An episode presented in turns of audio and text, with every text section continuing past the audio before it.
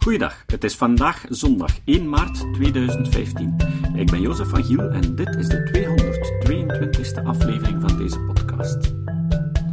Vandaag horen jullie een TED van Daniel Dennett. De vertaling is van Kevin Keijert.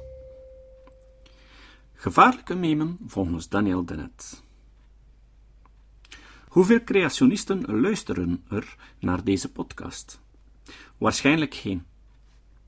Ik vermoed dat we allen Darwinisten zijn. En toch zijn veel Darwinisten bezorgd, voelen zich een beetje ongemakkelijk en zouden graag enkele grenzen zien aan de draagwijdte van het Darwinisme. Geeft niet. Al gehoord van spinnenwebben? Uiteraard. Ze zijn het product van evolutie.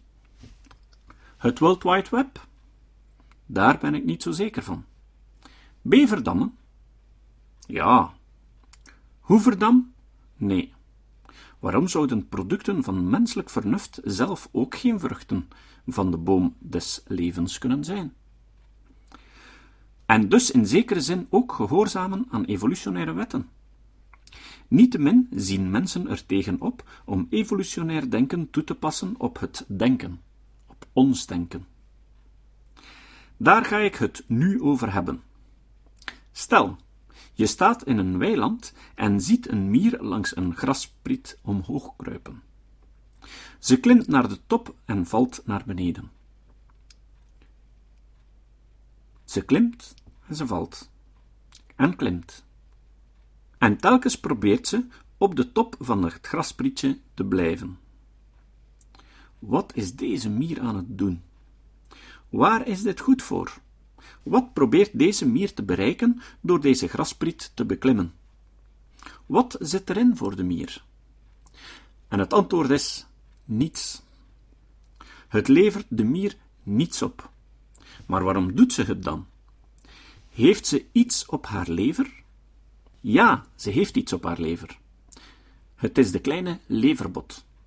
Dat is een kleine hersenworm het is een parasitaire hersenworm die in de maag van een schaap of een koe moet geraken om zijn levenscyclus voort te zetten. Zalmen zwemmen de rivier op om hun broedgrond te bereiken, en de leverbot eist een voorbijkomende mier op, kruipt in haar hersenen en stuurt ze als een terreinwagen naar het topje van een graspriet, waar ze door een schaap kan worden opgegeten. De mier heeft er dus niets aan. De hersenen van de mier zijn gekaapt door een parasiet die haar brein infecteert, waardoor zelfmoordgedrag wordt opgewekt. Behoorlijk griezelig. Kan ons dit ook overkomen? Dat we iets gaan doen dat niet zo goed is voor onze eigen genetische overerving. Misschien is het je ook opgevallen dat islam overgave of onderwerping van eigen belang aan de wil van Allah betekent. Het zijn dus ideeën, geen wormen, die onze hersenen kapen. Betekent dit nu dat ik beweer dat de hersenen bij een aanzienlijk deel van de wereldpopulatie gekaapt zijn door parasitaire ideeën? Nee. Het is veel erger. Bij de meeste mensen is dat zo. Er zijn een heleboel ideeën waarvoor iemand wil sterven. Vrijheid, als je uit New Hampshire komt, gerechtigheid, waarheid, communisme, veel mensen zijn gesneuveld voor het communisme en velen zijn gesneuveld voor het kapitalisme. Velen voor het katholicisme, velen voor de islam. Dit zijn slechts enkele voorbeelden van ideeën om voor te sterven. Ze zijn besmettelijk. Emery Lovins sprak over besmettelijke repetities. Eigenlijk een scheldwoord. Het is onbezonnen ingenieurswerk. Het eerste van wat cultureel verspreid wordt, is niet briljant, nieuw of denken vanuit nieuwe gezichtspunten. Het is besmettelijke repetities. We kunnen maar beter een theorie bedenken om de besmettingscondities te proberen te begrijpen.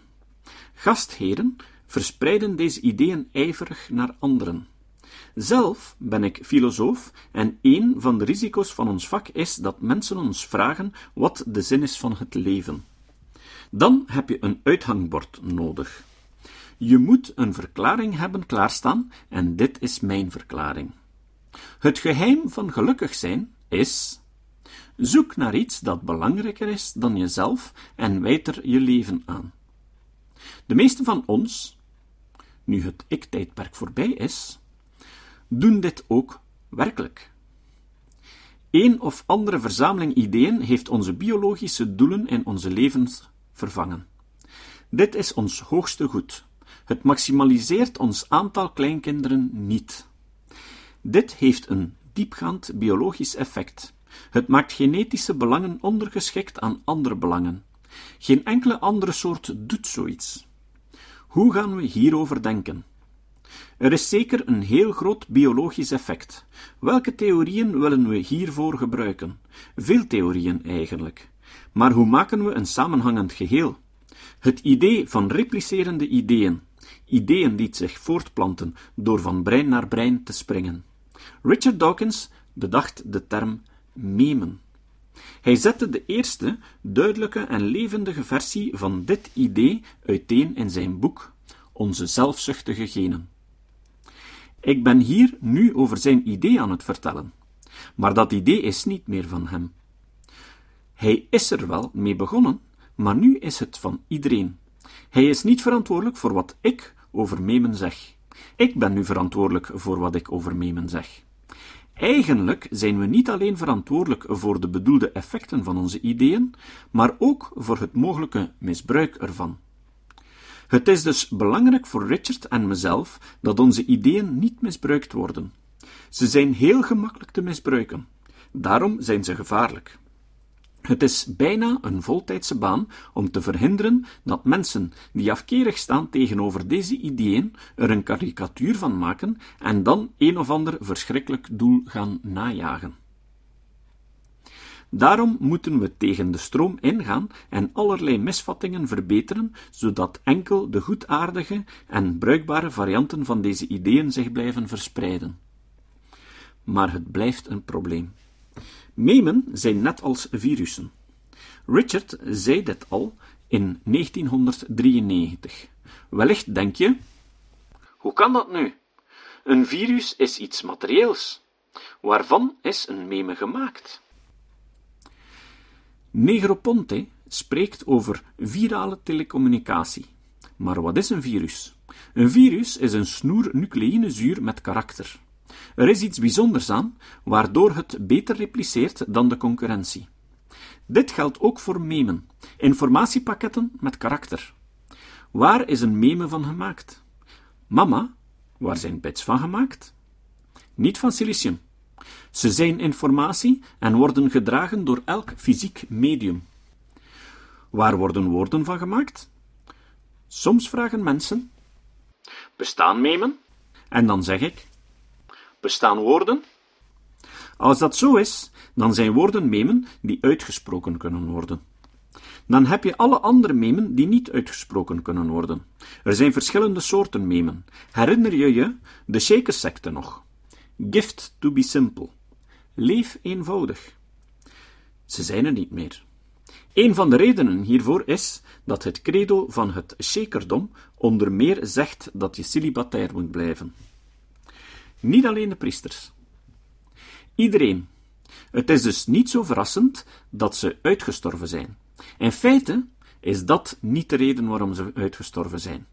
Ze hebben lang kunnen overleven toen er nog geen sociale vangnetten waren. Er waren veel weduwen en weeskinderen, mensen die een pleeggezin nodig hadden. Ze hadden dus een beschikbare voorraad bekeerlingen. Zo konden ze blijven doorgaan. In principe kon het eeuwig zijn blijven doorgaan, met het volkomen celibaat van de gastheren. De idee werd door middel van bekering overgedragen in plaats van via de genen. De ideeën houden dus stand, ondanks het feit dat ze niet op genetische basis werden overgedragen. Een meme kan bloeien, ondanks dat ze een negatieve impact heeft op de genetische overleving. De meme voor het shakerdom was in essentie een steriliserende parasiet. Er bestaan andere parasieten die dit doen: de gastheer steriel maken. Het is een onderdeel van hun plan, en ze hoeven geen verstand te hebben om een plan te hebben. Ik ga even jullie aandacht vestigen op slechts één van de vele implicaties van het memetisch perspectief. In zijn prachtig boek Zwaarden, paarden en ziektekiemen vertelt Jared Diamond dat het ziektekiemen eerder dan wapens en staal waren die het westelijk halfrond en de rest van de wereld veroverden. Toen Europese ontdekkingsreizigers zich verspreidden, brachten ze ziektekiemen mee waarvoor ze zelf immuun waren geworden. Ze hadden geleerd om honderden en duizenden jaren samen te leven met gedomesticeerde dieren die de bron waren van die ziektekiemen. Deze ziektekiemen hebben de oorspronkelijke bevolking vernietigd, omdat die hiertegen niet immuun waren. Nu doen we het opnieuw. Dit keer met toxische ideeën. Nicolas Negroponte en anderen spraken over alle wonderbaarlijke dingen die gebeuren wanneer onze ideeën zich dankzij al die nieuwe technologie over heel de wereld verspreiden. Ik ga akkoord. Het is grotendeels wonderbaarlijk, maar tussen al die ideeën die dankzij onze technologie onvermijdelijk de hele wereld instromen, zitten er ook toxische. Dit is al een tijdje zo. Said Qutb is een van de stichters van de fanatieke islam, een van de ideologen die Osama bin Laden heeft geïnspireerd. Memen. Deze memen verspreiden zich over de wereld en ze vernietigen hele culturen, ze vernietigen talen, ze vernietigen tradities en gebruiken. Het is onze fout niet, net zoals het onze fout niet is als ziektekiemen mensen ziek maken die nog geen immuniteit verworven hebben. We zijn immuun geworden voor alle rotzooi die aan de rand van onze cultuur rondzwerft. We zijn een vrije samenleving, dus halen we onze schouders op bij pornografie en dat soort dingen, als voor een milde verkoudheid. Ze zijn niet zo belangrijk voor ons. Maar we moeten inzien dat dit voor veel mensen in de wereld wel belangrijk is. We moeten hier waakzaam voor zijn, terwijl we ons onderwijs en technologie promoten. We zijn dragers van memen die door gastheren van vele andere memen terecht gezien worden als een verschrikkelijke bedreiging voor hun favoriete memen.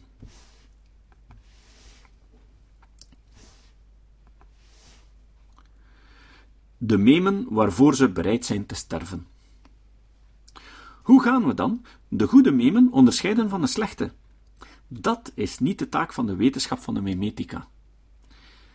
Memetica is moreel neutraal, zoals het hoort. Dit is niet de plek voor haat en woede. Als je vriend sterft aan aids, dan haat je HIV. De manier om hiermee om te gaan is door aan wetenschap te doen om in een moreel neutraal perspectief te begrijpen hoe en waarom HIV zich verspreidt. Zoek naar de feiten, werk de implicaties verder uit. Er is ruimte genoeg voor morele passie, eenmaal we de feiten kennen en kunnen uitzoeken wat we het beste kunnen doen.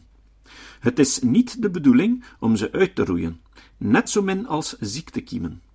Ziektekiemen kan je nooit uitroeien. Wat je wel kunt doen, is maatregelen nemen op gebied van volksgezondheid, die de kwaadaardigheid ervan zullen doen afnemen. Het zal de verspreiding van relatief goedaardige mutaties van de meest toxische varianten bevorderen.